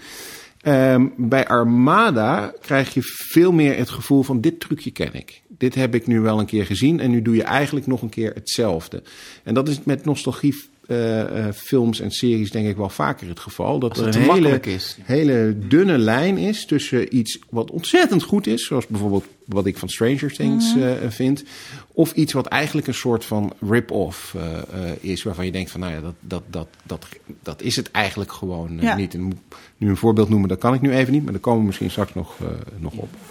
Ehm, het is wel een goed bruggetje om daarmee naar, naar Stranger Things eh, eh, te gaan. Waarom, eh, waarom vinden we Stranger Things een nostalgische serie? Ja, dat, dat, nou, kijk, wat, dat is wel interessant. Wat, wat jij zegt net, heeft, dit tweede seizoen heb je dat veel meer. Dat, er, dat de knopjes ingedrukt worden, dat het bijna op de automatische piloot gaat dan bij de eerste. Het is nostalgisch omdat elke aflevering verwijst naar iets uit de jaren tachtig. Want het is niet zomaar. Kijk, je zou ook kunnen zeggen, bijvoorbeeld een serie als Fargo. Eh, het tweede seizoen speelt zich af in 1979, geloof ik. Ja. Maar dat is niet, die serie is niet nostalgisch voor, voor de late jaren 70. Terwijl, eh, dus bij Stranger Things is er meer aan de hand dan alleen maar Omdat een, historische is. setting. Ja, dus je, zegt ze verwijzen naar dingen. Duidelijk. We hebben bijvoorbeeld in de tweede seizoen heb je die aflevering dat ze als Ghostbusters naar, eh, naar, de, naar, Halloween, gaan vieren. En, zo heb je, eh, en, en wat jij tegen mij ooit hebt gezegd toen we afgesproken hadden voor een interview, zei je van ja, ze doen eigenlijk alleen maar jaren 80. Dus Dungeons and Dragons. Het is bijna een schoolvoorbeeld van wat kids deden in de jaren tachtig, bij wijze van spreken. En voor de rest doen ze niks anders dan dat. Dus alle clichés van die tijd worden opgelepeld, zeg maar. Eh, en dat maakt dat je dus denkt... aan de ene kant heb je een soort nostalgisch bad... maar er wordt natuurlijk heel veel weggelaten. Nare dingen uit de jaren tachtig... die we nu niet meer door de beugel vinden kunnen. Eh, en op die manier krijg je een soort Zoals daar zijn voor de je- jeugdige luisteraars Nou ja, wat onder je, ons. wat je in Stranger, je hebt verschillende soorten nostalgie. Ik denk dat Tom daar zo meteen iets meer als, als Ja, ik wil zo ook eh, even op Michael echt, reageren. echt iets over moet zeggen. Maar je hebt verschillende soorten nostalgie. En Stranger Things is duidelijk nostalgie in de zin van... je kijkt naar een geïdealiseerd beeld van de jaren tachtig. En je ziet alleen maar de fantastische, geweldige herinneringen... die je in je, in je home movies thuis... als je kijkt naar je filmpjes van vroeger, eh, hoe, hoe je verjaardag was... dat is een beetje wat je in Stranger Things te zien krijgt. En inderdaad, Eh, alle... Alleen als jij een eh, middenklasse kind Ja. was, liefst ook nog Klopt, niet. absoluut, absoluut. En ehm, wat ze hebben weggeknipt is, als je mm, bijvoorbeeld, laatst keek naar een aantal jaren 80, 80 films. En wat je dan opvalt, tenminste wat mij opviel, is dat daar veel meer seksisme, homofobie, uh, uh, racisme in zit. dan je eigenlijk zou verwachten, omdat je daar inderdaad een soort geromantiseerd beeld bij hebt. Maar er worden heel Mhm. veel uh, gescholden met fag en homo en weet ik veel wat allemaal. En vrouwen hebben een bepaalde rol nog steeds. Um, Beetje ChristenUnie-rol bedoel je? Nou, niet per se, want het is wel zo dat in de jaren tachtig er best wel heel veel innovatie is. En ook op dat gebied. Uh, en, en, en we krijgen dan voor het eerst echt tienerfilms met realistische tieners. Mhm. Mm -hmm. uh, en niet alleen maar tieners die heel, heel, nou ja, heel goed en geweldig uh, zijn. maar, maar Stranger Things is duidelijk enerzijds dus een, een geromantiseerd beeld van de jaren tachtig. En nou ja, we zullen er straks nog wel even over hebben waarom is die serie toch zo goed en waarom is het niet een rip-off? En dat is volgens mij omdat ze, nou ja, al die verwijzingen naar films van de jaren tachtig, er zitten gewoon soms echt scène voor scène, worden scènes nagespeeld uit films uit de jaren tachtig. Alleen de wending die de scène uh, neemt, die is origineel. Er zit bijvoorbeeld een scène in waarin uh, um, die verwijst naar E.T. E.T. de Bicycle Chase, geweldig muziek ook van John Williams. Um, en wat doet E.T.? Die laat de jongens wegvliegen. Een soort Peter Pan-achtige uh, sprookje. In Stranger Things zit de scène waarin ze ook allemaal op de fiets zitten met uh, Eleven. En, en dan komt er een busje aan. En Eleven die laat dat busje over de kop vliegen en iedereen die erin zit is dood. Nou, dat is een heel andere uitkomst van die scène dan in uh, E.T. Mm -hmm. dus het ja. verwijst ernaar. Je voelt ook onmiddellijk... om iets goed te maken. Nee, maar er is nog ik... een verschil. Er, het, het, dat is waar. Er zit dus een rare nieuwe wending in. Dus ze doen er iets extra's mee. Maar het verhaal is ook gewoon goed. Ja, en ik denk dat dat het verschil is tussen rip-off series en, en films. Uh, ik en, had en graag gehad dat Stranger Things gewoon in het nu was. Want? Hmm. Want dat verhaal is inderdaad goed. Ik vond het doodeng ook, zeg maar. Hè? Dus dat, dat, dat ik was echt bang. Dat ik, ja, ik kan het niet in mijn eentje kijken. En seizoen 1 trouwens, seizoen 2 was dat niet meer. Um, maar hè, dus de reden waarom het in die jaren 80 zit... is volgens mij de enige reden... is omdat je tegenwoordig kinderen mogen nooit meer alleen op straat... en uh, avonturen uh, beleven. Ja. En dat is... En, ja. om, en, om, en om een soort. En, en, om die, en om de jaren tachtig fetish te botvieren. Met al die verwijzingen en zo. Want dat is technisch Hoort dat er helemaal niet bij. Ja, maar nou, ben ik het niet mee. En daarom, ik vind het hier dus. Uh, uh, en omdat het zo overdreven. Uh, eerst wat ik inderdaad tegen jou zei. Um, dat het Terwijl dat in de jaren tachtig dus niet was. Hè? Dus als je gaat kijken naar mm -hmm. popcultuur uit de jaren tachtig... dan staat dat helemaal niet bol met verwijzingen naar andere films en naar elkaar. Dat is echt iets wat geeks natuurlijk uh, zijn gaan doen. En omdat geeks dat graag uh, uh, doen... keert dat dus nu de hele tijd terug. Maar dat is dus ook geen correcte representatie. Geekdom was toen ook niet cool. Um, en het, het, het, is, het, het is er zo ingestopt... dat ik ja, dat ik denk, oh, nu nog één en nog één en, en nog een keer. Terwijl je dus bij uh, Ready Player One dat wel met een knipoog wordt gedaan. Hier is er nooit een ja. knipoog in. En, en, en, twee punten. Eén, denk ik dat um, die referenties heel goed tegen elkaar uitgespeeld worden in uh, Stranger Things. Dus dat is een punt dat ik niet zelf bedacht heb. Dat heeft uh, een video-essayist op YouTube, Just Right heet dat kanaal, maakt dat punt. Dat voor Eleven een soort een, een, balans gezocht wordt tussen aan de ene kant een verwijzing naar E.T. en aan de andere kant naar Carrie. En om die twee tegenover elkaar uit te spelen, is het de hele tijd de vraag van: oh, is dit gewoon. Gaat dit gewoon heel goed eindigen en komt het allemaal goed? Of wordt het heel erg bloederig en gaat Alien het helemaal had fout? ik er ook heel erg bij. Sigourney ja. Weaver. Ja. Um, dus dat, dat... Sterk vrouwelijk personage uit de jaren tachtig. Ja, dus ik denk dat op die manier wel gewoon op een goede manier nieuwe betekenis gehaald wordt uit het tegen elkaar afspelen van die twee referenties. Ja, wat is je tweede punt? Mijn tweede punt was dat ik denk dat Stranger Things ook heel erg nostalgisch aanvoelt, juist omdat die hoofdpersonages kinderen zijn. Um, en dat, dat is een punt dat Zizek maakt in een van zijn essays, uh, essays dat dan voor westerns, dat mensen van nu terug kunnen kijken naar westerns met nostalgie, omdat het publiek van toen westerns nog goed kon vinden. Um, dat mag nu niet meer. Nou, nee, maar eh, niet een soort van onironisch. We hebben niet meer soort een, een oprechtheid. eh, We gaan mee het met die van- onschuld van die kinderen. Ja, en dat, ook, dat, dat is ook meegaan met die onschuld van die kinderen in. Dat ze zo erg op kunnen gaan in dat geekdom. En dat, dat, dat je terug kan denken van, oh ja, dat deed ik vroeger ook. Dus je, je verlangt meer naar de blik van die kinderen... dan naar daar waar de, waar de kinderen echt naar kijken. Maar ik denk dus dat, dat ook hier is de vraag voor wie, voor welk publiek is deze serie gemaakt. En ik denk toch, eh, eh, ik had de hele tijd het idee, als dit voor mij gemaakt is, dan hoeft het niet. Want ik heb de jaren tachtig gewoon meegemaakt. Ik hoef daar geen sentimentele revolutie Heb je daar van. geen warme fuzzy feelings Ik bij? heb daar geen warme fuzzy feelings bij. Het was ook helemaal geen warme fuzzy tijd. Hè? Het was de tijd van de Koude Oorlog. Heel veel kinderen eh, en jongeren waren bang voor de bom. Er was een tijd van massale werkloosheid. Waar je toe ging opgroeien, zeg maar. Hè? No Ja. future, punk. Iedereen in Amsterdam was aan de speed. De kinderen liepen van huis weg eh, op hun dertiende. Weet je, nu klagen ouders dat kinderen van dertien... Oh, ze zitten wel heel veel op het smartphone. Vroeger waren kinderen met dertien dus gewoon drugsverslaafd. En van Hoeren en snoeren waren Ja. ze. Boeren. Als je het even, weet je, ja, precies. En het verrotte leven van Floortje Bloemen en zo, dat soort dingen. Het was helemaal geen warme faciliteit. Dus ik hoef dat niet naar mij terugverkocht te krijgen. Dus volgens mij is het dan meer inderdaad gemaakt voor, voor jouw generatie. Maar Ehm, dan, dan moet jij meer een fan zijn van, van It. Want It is de andere vorm Ik wil nog één van... ding, ik wil eh, nog één ding ja. zeggen voordat we, voordat we, dat we naar IT gaan. Ehm, wat ik, ik heb laatst heb ik ehm, eh, eh, de onvolprezen serie Freaks and Geeks Ja, eh, weer helemaal heel goed. gekeken. Oh ja, is heel helaas goed. maar één seizoen van eh, gemaakt. En toen eh, zag ik in één keer hoe schatplichtig ehm, Stranger Things aan Freaks and Geeks is. En Mhm. dat maakt die, die, die verwijzingen door de tijd nog weer eh, complexer. Mhm. Want Freaks and Geeks is een serie van eh, de late jaren negentig, Mhm. eh, zeg ik uit mijn hoofd. Die gaat over de late jaren zeventig, meen ik.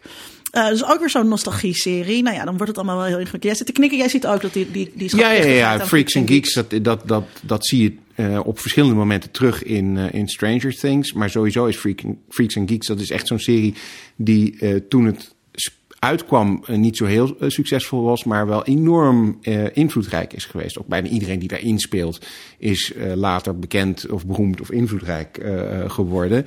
En ik Echte denk, cult. Ja, echte cult. En ja. dat is dus.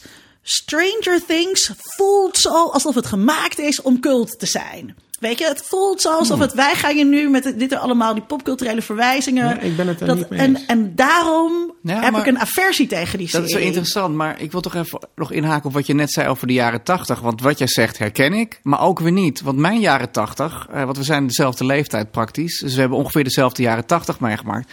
Mijn jaren tachtig zijn eh, basisschool, David Hasselhoff, Marty McFly...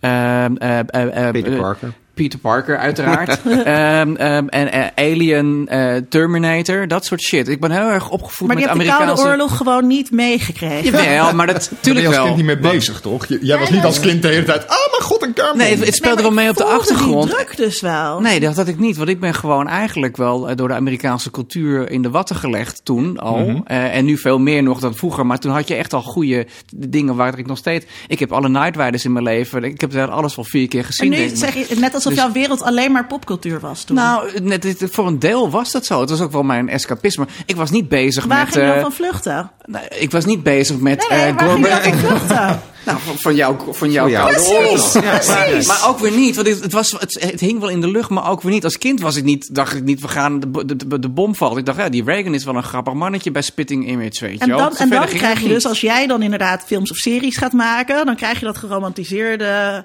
Spielberg-achtige... Ja, wat, ja. Ik dus, wat ik dus niet hoef. Eh, eh, Tom, eh, filosoof. Wat voor soorten nostalgie zijn er? Ehm, Geef ons wat verdieping. Nou, je hebt uh, het model waar ik het meest bekend ben, is van Svetlana Boym. En die maakt een onderscheid tussen reflexieve en restauratieve nostalgie. Uh, en restauratieve nostalgie heeft vooral te maken met uh, nostalgie zoals je dat in nationalisme ziet. Van we moeten terug naar de goede oude jaren 50, want toen was alles nog Make stabiel. America great again. Make America great again. Back to the Future 1. ja, Back to the Future 1. Uh, en ook sommige series uh, natuurlijk, die bijvoorbeeld zoals Stranger Things, die toch van echt naar de jaren 80 kijken van, oh, dat was zo goed.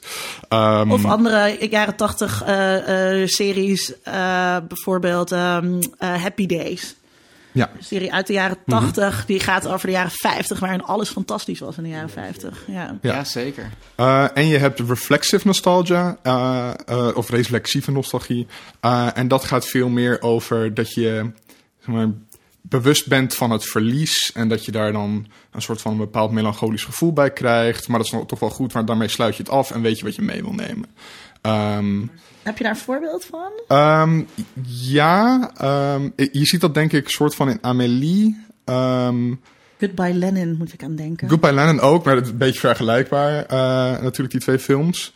Ehm, ja, in Goodbye Lenin zie je dat denk ik het, het makkelijkst. eh, omdat het daar heel erg gaat over... Het was heel vertrouwd die wereld waar we in zaten. Maar het, het was ook wel duister echt en we moeten wel vooruit. Het is een beetje Linda's standpunt over de jaren 80. Het was eigenlijk duister en... eh, en Ja, maar toch was- heb je bepaalde in ieder dingen geval die je wel niet mee warm wil nemen. Ja. Dat is het Ja. punt dat ik wil maken. Ja, Voor heel veel mensen waren- niet. Wat zit niet terecht zegt. Hè? Ik bedoel, als je vrouw was, als je van kleur was, eh, eh, als je homo of ander eh sinds queer was, dan was het gewoon echt een ruktijdperk. Nee, ja, dat snap, ik snap dat je dat zegt. eh, maar ja, En ik dat was... betekent dus ook dat als je daar dus eh, eh, eh, restauratief eh, nostalgisch Mhm. over bent.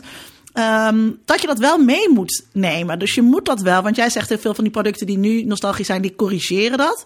Je moet dat ook wel doen. Ja. Je moet het nou ja, ik denk dat om, Ja. om dan toch weer even dat bruggetje te maken. Ik denk dat we het dan even over It moeten hebben. Want It is volgens mij een film die de jaren tachtig laat zien. Eh, in eerste instantie, misschien als je de film eh, eh, de eerste half uur bekijkt, als ook een soort nostalgische mooie tijd. Maar eigenlijk laat It ook de nare kant van de jaren tachtig zien. En het is heel interessant natuurlijk, omdat het boek It is in de jaren 80 gespre- geschreven. Dus daar was de nostalgie of de terugblik naar de jaren 50. Ehm, en nu is het de film nu vorig jaar uitgekomen en is de terugblik naar de jaren 80. Hè. Dus daar is de Losers Club, die speelt zich in de jaren 80 eh, af. En wat je ziet, eh, waar het in het boek bijvoorbeeld gaat over vermoorde kinderen, gaat het hier om vermiste kinderen. Omdat in de jaren 80, hè, we hebben allemaal destijds die miniseries wel gezien van My First Name is Steven en, en dat soort dingen allemaal. Eh, er is ook een, een podcast in the Dark die gaat over een vermissing in de jaren 80. Prachtige podcast. Maar dat hele idee van vermiste kinderen die, die op milk cartons in Amerika dan eh, worden Dat is de reden waarom dus die kinderen nu niet meer buiten mogen spelen. Ja, precies. Nou, ja, dat, dat zie je dus in, de, in, de, in, in, eh, in eh, It. Eddie Casbrack die op een gegeven moment ook zegt van... we zitten midden in een AIDS-epidemie. Ja, het is wel grappig als hij het zegt op dat moment. Maar het is wel inderdaad waar dat dat in de jaren tachtig natuurlijk speelde. Ja, en dan is het natuurlijk ook nog eens een keer een horrorfilm... over een hele enge clown. Eh, ehm, Dat vind ik een pleonasme. Ja, precies. Ja, ik, heb- ik, heb, ik heb de film It ben ik dus niet gaan, eh, niet gaan moet je wel kijken. Want eh, we gingen dus... eh, want het origineel is geen film, maar miniserie. Ja, Ja. tweedelige miniserie. En die gingen we dus kijken. Oh mijn god, wat een hel. En niet omdat het eng was, want wij dachten dus... Ik ging dat samen met mijn beste vriend kijken, die is een paar jaar jonger dan ik. Maar we hadden echt die herinneringen van vroeger dat het ongelooflijk eng was. Juist ook omdat hè, enge clowns, dat, dat is een dubbelopje. Dat is ook En- echt mijn, wel mijn herinnering naar de originele En het is dus helemaal niet eng. Het is afschuwelijk. Het is gewoon, het duurt lang. Dat is de werkelijke kwelling. Echt, het duurt lang. Oh, en, dus, en dus ik dacht, ik, ja, maar dit is, helemaal, dit is helemaal niet eng. Dus waarom zou ik in hemelsnaam naar die film ehm, Ja, dat hebben ze bij de film wel heel goed gedaan. Omdat de film is. Het zijn twee films eigenlijk. Hè. Het eerste deel is nu uitgekomen. En daar hebben ze echt de Oh, twee dacht dat je ging verhalen. zeggen, ze hebben er in 75 minuten klaar. Nou, dat niet helemaal, want het duurt iets langer. Maar wat ze wel heel goed gedaan hebben, is de verhalen echt opgeknipt. Dus dit is de jaren tachtig die je te zien krijgt. In eh, de huidige IT, die nu eh, waarschijnlijk op allerlei eh, eh, platforms te downloaden is. Ehm, en de nieuwe film die uit gaat komen, dat is echt de nu IT. Dus het tweede gedeelte als ze volwassen zijn. En ehm, nou, het werkt heel goed. Het, heeft ook heel, het, het is heel interessant, vind ik, omdat het heel erg ehm, ja, verwijst op de een of andere manier toch ook wel naar Stranger Things. Het komt niet alleen maar omdat er een van dezelfde acteurs eh, eh, in zit. Maar Dat is een van lijkt- yogis, toch? een van de jongens inderdaad. eh, die speelt eh, in beide, eh, in, zowel in Stranger Things als in It. Ehm, maar toch ook weer dus niet, omdat het toch op de een of andere manier een iets naargeestiger beeld van de jaren tachtig. Ik weet niet hoe jij dat ervaren hebt. Ik vond het probleem met de nieuwe It, vond Mhm. ik, ik vond het geen enkele seconde eng. En ik- heb, Hmm. ik heb wel herinneringen aan de eerste It met, eh, met Curry Hmm. als eh, Pennywise. En ik heb het toen ook gekeken toen ik daar nog wel beïnvloedbaar op was. Dus Een jaartje of twaalf was ik, denk ik. Mhm. En eh, ik denk dat ik op mijn twaalfde toch s'avonds weer onder mijn bed keek. Zeg maar, om te kijken of er niet een of andere rare clown Maar dat is het, dus, het concept van It is eng. Ja, maar ik vond Ja. hem toen ook. Dat is ik het. vond hem toen ook eng. En bij deze had ik echt geen enkel moment dat ik denk van ja. Eh, misschien omdat ik het verhaal ook kende, dat kan ook. Want, eh, en, en ik heb bij, bij sommige remakes heb ik ook zoiets van... Ik vind het niet erg dat het er is, maar ik ben kennelijk de doelgroep niet. Ik ken het verhaal, ik ga liever dan iets anders kijken. En ik heb hem wel gekeken. Ja, En jij gebruikt nu het woord remake. Het is een remake. Was het een, want Sidney, jij zegt toch het is eigenlijk iets anders. Is het, was het dan een, een Het is, geen, het is geen remake, vind ik, omdat het niet een eh, hervertelling van de miniserie is. Het is gewoon een nieuwe verfilming Een van nieuwe het, adaptatie van het boek. Ja, goed. Nou. Nou, fair Ehm, enough. En eh, ik vond de serie, in die, eh, de oorspronkelijke miniserie ook hartstikke goed. Ik bedoel, eh, ik heb die laatste inderdaad nog eens herkeken. En dan valt je inderdaad op dat het toch iets minder goed was dan je het je herinnert. Maar eh, nee, ik, ik ben erg fan van deze nieuwe It. Maar ik ben heel benieuwd eigenlijk wat Tom eh, vindt. Als, Ik heb hem niet gezien. Oh, je hebt hem niet gezien? Nee, Kijk, sorry. Ja, Ja. Nee. Allebei dan moeten we dat... Ehm, eh, Eh, ik heb de originele wel gezien, want ik heb dus echt door het origineel dat ik soms nog steeds naar mijn doucheputje kijk en zit van, oh god. ja. Ja, Maar Tom, misschien kan jij dan eh, eh, um, eh, nog wat meer vanuit theorie iets zeggen over of, of nostalgie nou eh, hetzelfde is als eh naapen. Wat doet nostalgie met, met en wat doet nostalgie met ons? Ehm, ik, ik, ik denk niet dat nostalgie hetzelfde is als naapen. Het heeft meer te maken met verwijzen of op zijn minst de setting soort van hermaken. Ehm, en wat het doet, ja, dat is dus waar ik het net al over had. Over van dat, dat restauratieve kan vrij destructief zijn. Ja. Ehm, maar het kan bijvoorbeeld ook, eh, en dat is een punt wat Marc Le Sueur, als ik zijn naam zo goed soort van uitspreek. Hij maakt ook het punt dat restauratieve nostalgie soms ook goed uit kan pakken. Eh, bijvoorbeeld als je kijkt naar dingen als de renaissance, om er maar even iets bij te pakken. Dat, dat, dat, dat gewoon een terugkijken is ja. naar, It ehm, versus de Renaissance. naar de oude Grieken en Romeinen. Ja, Hoe zie je dat? Op een eh, net iets andere schaal natuurlijk. ja. Want wat ik zag in een van de essays die ik las, eh, is dat ze ook een vergelijking maakten met wat er in muziek heel veel gebeurt. Hè? Muziek Ja. eh, wordt heel veel gesampled en geremixed. En dan kun je Ja. zeggen dat is eigenlijk ook weer een verwijzing naar wat er eerder was. En dat is ook vaak muziek uit de jaren 70 of 80. Ja. Eh, maar daar komt iets heel nieuws en creatiefs uit, ja, of, of niet. Ja, het, het- bijvoorbeeld in hip-hop heeft sampling ook, vooral in het begin, nu is dat minder, heel erg de functie gehad om die oude muziek in leven te houden. Dus het was een hele bewuste verwijzing van eh, bepaalde zwarte artiesten om uit zwarte muziek van de eh, jaren daarvoor te putten om die traditie in leven te houden. Wat dan wel weer heel grappig is aan een nostalgische serie als The Get Down, over Ja. het ontstaan van de hip-hopcultuur, eh, dat ze daarin heel erg benadrukken dat hip-hop eh, eh, ontstaan is eh, met wortels in de disco. Wat, terwijl disco natuurlijk het absolute forbidden genre is. Weet je, niemand vindt dat cool. Ja. Eh, dat, dat vond Oh. ik wel mooi, zeg maar, in, de, eh, in, in hoe dat dan gedaan is. Eh, vond, want dat is toch een, een Het is een soort een- whitewashing eigenlijk. ja, ja, precies. Een reconstructie van een verleden die niet heel erg uh, die kritisch is eigenlijk. ik op vond- hoe we ons nu dingen herinneren. Ik vond The Get Down ook erg goed. Eh Baz Luhrmann hè, is Ja. de regisseur. Ehm, en ik snap niet helemaal, maar misschien dat iemand hier aan tafel dat wel weet, eh, waarom die serie zo verguisd is. Want hij krijgt slechte recensies Oh, en mensen vinden, het, eh, vinden het niks. Ik, ook heb, wel, eh, zelfs al vond ik hem leuk. Ik heb de eerste aflevering gekeken, toen had ik eh, mijn buik vol ervan. ik vond het eh, chaotisch. ik kon het, ja, misschien word ik hier te oud voor. Ik, ik, kon me gewoon niet, ik ben niet zo hip-hop fan ook, eh, moet ik zeggen. Eh, maar nee, ik vond het, ik vond het echt pretentieus gelul. Oh ja. Zo kwam het op mijn over. Ik dacht, Nou, er zijn zoveel series op Netflix, ik ga nou iets leuks kijken. Dus, d- dus nee, ik vond Dit die... HBO. Oh, HBO. Nee, ook Netflix. Is ook Netflix. Netflix. Oh, Netflix? Ja, precies. Dus, eh, nee, dus het, kon mij niet, het kon mij niet bekoren, Sydney. En het, dat was puur... Het is lang geleden dat ik het gezien heb, hoor. Maar ik vond het chaotisch. Het was heel erg hip, allemaal met bewegende camera. Ik denk, wie zijn al deze gasten? Oh, we zijn alweer bij een volgende scène. Nou, ik denk, boeien. Ik vond het heel goed Ja. gedaan. ehm, maar volgens mij was ook een punt van kritiek, waar ik het dus niet mee eens ben, dat, ehm, dat het dus niet helemaal historisch eh, eh, correct is. En dat de verfilming, dus de, de manier waarop het in beeld gebracht wordt, de mise en scène, eh, is ook heel dromerig, zeg maar. Dus ze maken gebruik van een soort van geïdealiseerde beelden. Die, zo, zo zag New York er niet echt uit. Dus het is een beetje videoclip-stijl ook. Wat ik dus juist heel goed vond werken en heel goed vond passen. Vonden andere andere mensen van dat dat dan accurater had moeten zijn of zo. Maar dan denk Maar die ik, ja, dan dan een je... rauw realistische... Ja, maar dan denk ik, Tenminste, de van- dus Ja. nu niet. Nee, dat is niet wat hij doet. Maar het is wel natuurlijk zo dat, dat hip-hop niet uit een soort droomachtige toestand is ontstaan. Ja, Ehm, dus om dat dan doen, te doen alsof dat wel zo is en dat dan als het Met verhaal van de geschiedenis van hip-hop neer te zetten. Ik snap wel dat, dat sommige mensen daarmee eh, op de tenen getrapt worden. Maar is, is The Get Down is, is een nostalgische serie, toch? Ja, Ja. ja nee, daar, daarmee. eh. nee, ik weet niet of ik het een nostalgische serie vind. Het speelt zich in het verleden af, maar maakt het iets dan gelijk nostalgisch. Is bijvoorbeeld Ja. Donnie Darko een nostalgische film die zich in de jaren tachtig duidelijk afspeelt en wel speelt met die muziek bijvoorbeeld. Ja. Maar eigenlijk een uh, naar. Nee, ik vind het meer gewoon echt een historische serie met wat eh, fantasy-elementen. Ja. En, en Donnie Darko dan? Wat is, is dat dan? Wat het zit voor de nostalgische golf eigenlijk, zou je kunnen zeggen waar we nu in zitten? Ja, dat is denk ik net te vroeg daarvoor. Nou ja, kijk, het is een interessante vraag eh, of hoe nieuw die, hoe nieuw die nostalgie eh, is. Er wordt dus inderdaad al gezegd dat we nu in een nostalgische golf zitten. Ik denk dat dat, dat, dat eh, eh, historisch niet juist is.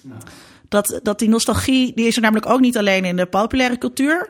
Omroep Max hè, is het voorbeeld van nostalgie waar allerlei eh, niet-popcultuurtitels eh, nooit doodgaan. En allerlei eh, presentatoren ook nooit sterven, maar voor eeuwig op de buis ehm, eh, blijven.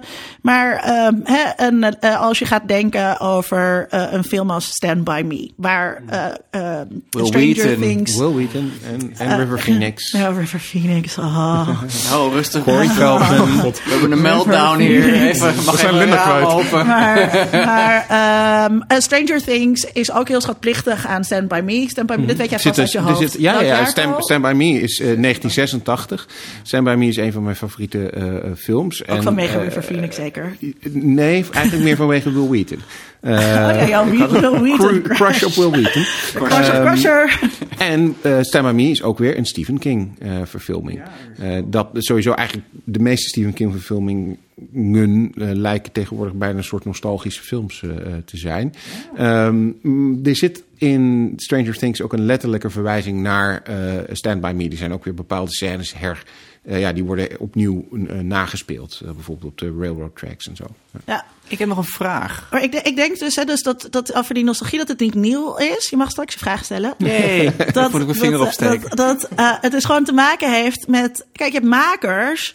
En die schrijven over hun jeugd. Die schrijven, eh, die maken films eh, over. Het, het is logisch dat hen dat beïnvloedt. Dus je zult altijd, dat zal altijd eh, blijven. En eh, je hebt nu een generatie makers die nu eh, de, de macht heeft, zeg maar, om bepaalde dingen eh, te maken. Waarin onze jeugd dus nu toevallig eh weerspiegeld wordt. Eh, maar in de jaren tachtig had je een andere generatie die, dat, die exact hetzelfde deed. En in de jaren negentig was dat ook. En dat zal in 2030 ook zo zijn. Ja, dat is nog een punt dat ik wilde maken. Of nee, Michael had zijn vraag. Nou ja, Maar gaat het punt hierover? Is jouw vraag gerelateerd hieraan? ja zeker. Mag het niet. Het, het gaat niet over Jessica heel- Jones, waar we het de volgende keer over gaan hebben. Ja. Is er geekiness zonder nostalgie? Ja, want dat, dat is dus dat punt dat ik net wilde maken. Ah, goed. Ehm, Star Wars is natuurlijk gigantisch nostalgisch naar de jaren 50. Daar Ja. put het heel erg uit. Allemaal westerns en samurai films uit de jaren 40 en 50. Ehm, en nu zijn we weer 30 jaar later weer nostalgisch naar Star Wars. Ehm, klopt. Nou, dat is echt een soort cyclus waar we in zitten. Ja, dat zijn Ja. die cycli, want het, zeker de filmmakers in de jaren, eind jaren 70, begin jaren 80, hè, Star Wars, Lucas, Spielberg, et cetera. Al die films die zij maakten waren ook wel nostalgische films. Of waren op de een of andere manier films die verwezen naar wat er in de jaren 50, 40 eh, eh, speelde. Indiana Jones natuurlijk, ik bedoel, hè, dat is terug naar de serials eh, van de jaren 40. Eh, dus dat, dat, dat is een cyclus die, er, die erin zit. Ik had nog één ding wat ik van Michael wel wilde weten. En dat is eigenlijk of die Marvel revival, of, of, of misschien niet eens een revival, maar een soort eh, overwinningszegentocht die Marvel maakt. Een Is dat, onbegrijpelijke overwinningstocht. is dat niet ook een soort van nostalgie? Eh, en zeker natuurlijk bijvoorbeeld Thor Ragnarok. Dat is denk ik per definitie een, een nostalgische film. Als je kijkt gewoon heel naar de kleursetting en de muziek en et, et cetera. Maar is, is, is, is Marvel eigenlijk sowieso niet een, een soort nostalgisch filmgenre? Omdat het teruggrijpt naar bijvoorbeeld jouw tienerliefde voor Peter Parker. Nou, dat is een interessante vraag. Wat Thor Ragnarok betreft, eh, de, de art direction is uh, gebaseerd op de tekeningen van Jack Kirby. En die heeft in de jaren 60 Thor getekend. Dus het heeft wel eh, iets retro's, daardoor een retro-futuristische look. En heel erg iets wat we nog niet hebben gezien in de, in de Marvel-films. Die ode aan Kirby. Ik weet het niet zeker, want eh, aan de ene kant zijn die films er nu omdat het eindelijk kan. technisch gesproken. Dus aan de ene kant is het heel erg nu. Uh, ik denk wel dat de superheld in zichzelf wel iets nostalgisch heeft, omdat de eerste superhelden verbonden zijn aan de Tweede Wereldoorlog.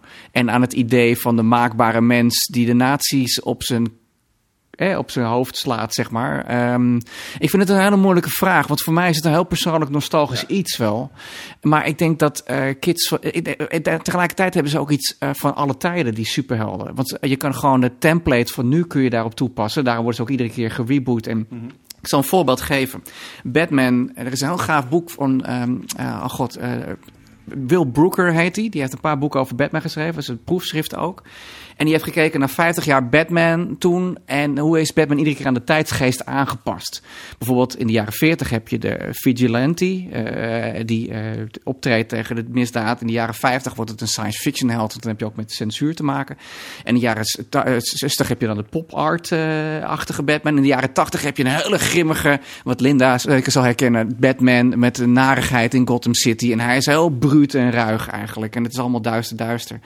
Dus die, dat gaat inherent aan die superheld die eigenlijk iedere keer wel weer aangepast uh, wordt. Dus, dus, ook al is Batman een DC-held, is dat eigenlijk wel deels het antwoord op de vraag, denk ik. En als je dan nu kijkt naar nou, je hebt bijvoorbeeld nu, uh, je hebt in de jaren 80 had je Batman Year One van Frank Miller. Dat is hoe Batman dan Batman is geworden. Heel erg jaren 80-achtig. Heel tof gedaan. En nu heb je een remake daarvan, of een reboot eigenlijk. Year, Zero Year heet dat van een andere schrijver. En, um, en dat is dan heel erg post-apocalyptisch. En Gotham is in een soort uh, uh, jungle veranderd. Omdat er iets is gebeurd of weet ik wat. Dat is heel erg bijna ecologisch mm -hmm. verantwoord met we gaan nu allemaal, de aarde gaat naar de kloten. Dus uh, beide Batman origin stories reflecteren dus de tijd waarin we leven, zeg maar. Dus ik denk, ja, het is nostalgisch en het is helemaal van deze tijd. Nostalgische popcultuur zegt vooral iets over het nu. Lijkt ja, me een mooie, mooie afsluiter. afsluiter. Uh, omdat we geek zijn, hebben we pizza besteld en die komt zo. dus we doen nog even snel uh, een vooruitblikje. Waar kijken we naar uit de komende weken? Uh, zal ik weer beginnen? Ja, ja hoor. niet beginnen? Dat moeten we snel doen. Uh, op 29 maart Mr. Mercedes. Dat is ook weer een Stephen King uh, verfilming. 85% op Rotten Tomatoes. Daar moet je niet naar luisteren, maar ik doe dat toch. Um, goede hoofdrolspelers. Onder andere Brandon Gleeson. Dat is de vader van Donald Gleeson. Die Major Hux, of sorry, General Hux speelt in Star Wars. Um, dus daar kun je naar uitkijken. Komt op Videoland uit. Dus misschien goed om te zeggen, want ik zei de vorige week vorige keer iets uh, dat het op een ander platform stond. Maar Videoland gaat deze serie uh, uitzenden. Uh, wat ook nog wel belangrijk is, omdat we het over Stranger Things hebben gehad. Op 6 april is er een festival in Den Haag en dat heet Rewire. Ik ben er nog nooit geweest, maar daar komen Michael Stein en Kyle Dixon... die de soundtrack van Stranger Things live gaan uitvoeren. Dus als je daar een fan van bent, dan moet je daar zeker naartoe. En op 26 maart komt de Ridley Scott-serie uit. Uh, die heet The Terror. Dat is een historische serie die gaat over uh, de HMS Terror. En die, uh, nou ja, die, die maakt een reis naar de Noordpool, bij wijze van spreken. En nou ja, daar gaat van alles mis. Ik heb niet te veel in details getreden, want ik heb de serie nog niet gezien. Maar dat is ook iets om naar uit te kijken. Michael. Er zijn een paar dingen uh, het Imagine Film Festival staat binnenkort voor de deur. Dat kan erg interessant zijn. Dat is een van mijn favoriete filmfestivals in Amsterdam en omstreken. Uh, ik heb wel weer zin in een nieuwe aflevering van Supergirl. Die vliegt binnenkort weer op Netflix uh, langs. Daar hebben we echt wel anderhalve maand op moeten wachten of zo. Dus ik heb een beetje Supergirl onthouding gekregen. Uh, dat is toch altijd lastig. Maar ik vind het een heel erg leuke serie. En ik ben wel heel benieuwd hoe deze verhaallijn afgewikkeld wordt. En ik kijk stiekem al een beetje uit naar Marvel Infinity War. Ook al ben ik wel een beetje moe met al die war-titels. Dat vind ik wel een beetje jammer. Ja. wat, hè, laatst had iemand een opmerking of zo. Oeh, Star Wars, het is wel een erg oorlogzuchtige film, hè, of zo. uh, denk, ja, misschien moet je eens een keer titelverklaringen gaan uh, doen als cursus of zoiets. Er werd dus gezegd uh, dat, dat er allemaal oorlog in de ruimte was zelfs. Dat, ja, dat zelfs. Oh, wauw. dat is een mooie letterlijke vertaling. dus, dus ik ben wel heel benieuwd naar die Marvel Infinity War. Gewoon omdat die trailer badass was. En ik ben een Marvel guy. Klaar. Dat weten we, Michael. Tom, waar zie jij naar uit? Uh, ik ben vandaag begonnen aan Dirk Gently. Um, ah. Ja, en dat vond ik echt heel erg leuk. Dat is heel erg mijn humor. Uh, van dezelfde uh, schrijver als uh, Hitchhiker's Guide to the Galaxy, de, Douglas Adams. en dat vond ik heel erg leuk. En dus dat ga ik de aankomende twee weken Lekker kijken. Ja, in. leuk, want het is echt leuk. Ja. Seizoen 2 is ook heel leuk. Oh, En helaas mooi. komt er geen seizoen 3, heb ik Oh. begrepen. Nee, dat, dat, jammer. dat zei iemand. Vond ik heel jammer. Oké, eh, ik, eh, ik ga op vakantie naar Cuba, waar geen internet is. En eh, volgens mij ultieme nostalgie, allemaal jaren 50 auto's en zo. Dus ik ga een andere wereld instappen Mhm. zonder popcultuur, denk ik. Wauw. Ja, tot slot. Ik vind het eigenlijk best wel vlijend dat jonge mensen de cultuur van mijn jeugd nu zo meekrijgen. Jullie? Wat jullie oudjes? Ik voel me niet aangesproken. Ja, vond jullie het aangesproken? Nou, ik wel. Ik vind het, ik vind het heel leuk. Ik ben, ik ben wel een beetje een fan van die nostalgie. Ik zei al, ik vind Stranger Things echt... eh, dat is echt bijna voor mij gemaakt, eh, die serie. En ik ben benieuwd naar Ready Player One. Je gaat Ready Player One Ja. zo leuk Ja. vinden. Dat weet ik echt zeker. Nee, ik vind het heel leuk hoor dat, we, dat, dat, ik me, dat ik mijn jeugd nog een keer kan beleven, maar dan zonder de Koude Oorlog erbij. Want eh, wel, trouwens, de Koude Oorlog is weer helemaal terug ook wat dat betreft. Dus alles komt gewoon terug. Alles komt terug. Dus ook Alles eh, big terug. shoulder pads nostalgie. Alles komt terug. Biff Dit- Tannen in the White. Dit was aflevering 5 van de podcast Geeky Dingen. Wij vinden het leuk als u ons volgt en liked op Facebook of op Twitter. En nog leuker vinden we het als u ons 5 sterren geeft eh, eh, in iTunes. Want dan kunnen Vier is andere, ook goed. ja, dan kunnen andere geeks eh, ons ook eh, makkelijker vinden. Hoort, eh, hoort, hoort en zegt het voort.